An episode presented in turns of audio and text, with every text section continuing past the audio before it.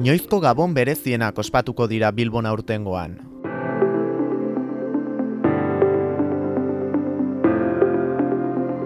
Gabonak beti heltzen dira eta ilusioa beti pizten da lelopean ospatuko ditu Bilbok COVID emeretziak baldintzatutako gabonak.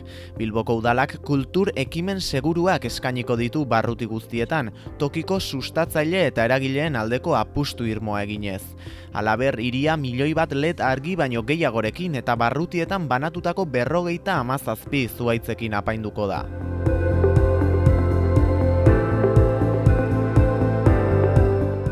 Ziarrurtasun jaietako zinegotziak aurreratu duenez, Olentzero eta Mari Domingi kalde batetik eta errege magoek bestetik ez dute utxik egingo aurtengo gabonetan, naiz eta aurrekin izango duten itzordua ez den beste urtetakoen modukoa izango. Olentzero abenduaren hogeta iruan eta hogeta lauan etorriko da Bilbora. Arria gantzokiak, antzerki eta musika ikuskizun bat hartuko du Olentzero eta Mari Domingerekin. Lamia eta zelanez, galtzagorri biurriak izango dituzte eurekin, eta sorpresa pilo bat, seguro. Ordu erdiko bose manaldi izango dira, abenduaren nogeta iruen eta hogeta lauan, eta saio bakoitzean irureun pertsonako edukiera egongo da. Egongo da. Adi egon, abenduaren hogeta batean, hasiko da olentzeroren ikuskizun honen sarreraren salbenta.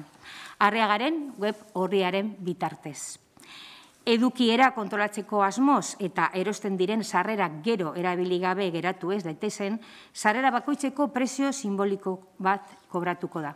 Bi euro. Ekialdeko erregeek, Bilbao Arena erreserbatu dute urtarriaren bosterako, bost saioekin, goizez eta ratzaldez, eta hogetan mar minutukoa bakoitza. Olentzererekin bezala, sarrerak internetez eskoratu daitezke, prezio simboliko berberarekin.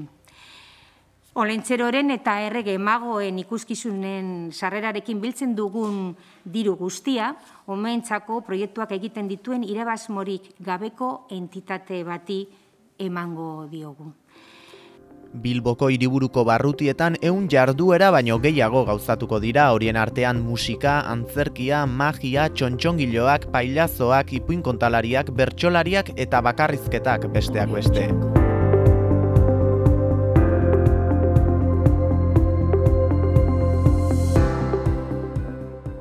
Helduentzako kultur eskaintza ere zabaldu egingo da urtengo gabonetan antzerkiaz, arteaz eta musikaz gozatzeko aukera egongo baita Bilbon. Era berean aurten ere Bilboko udalak abian jarriko ditu Gabongune eta Gabonkidea isialdi eztigarriko programak hiru eta hamaika urte bitarteko adingabeentzat. Hamabi eta hamazazpi urte bitarteko nerabeentzat aldiz gazte kluba antolatu da, haien artean musika, sormena, kirola eta teknologia sustatzeko besteak beste.